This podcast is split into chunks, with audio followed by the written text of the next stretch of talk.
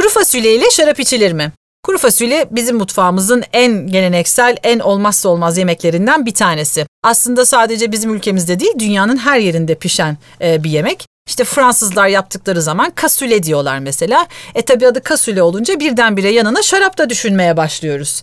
E, genellikle e, kuru fasulyelerde hani şarküteri tipi etler mesela işte Fransızlar daha bacon tarzı şeyler kullanırken bizde de sucuk, pastırma gibi e, et türleri e, yemeğin içine girebiliyor. Onlarda da güveçte pişiyor, bizde de güveçte pişiyor.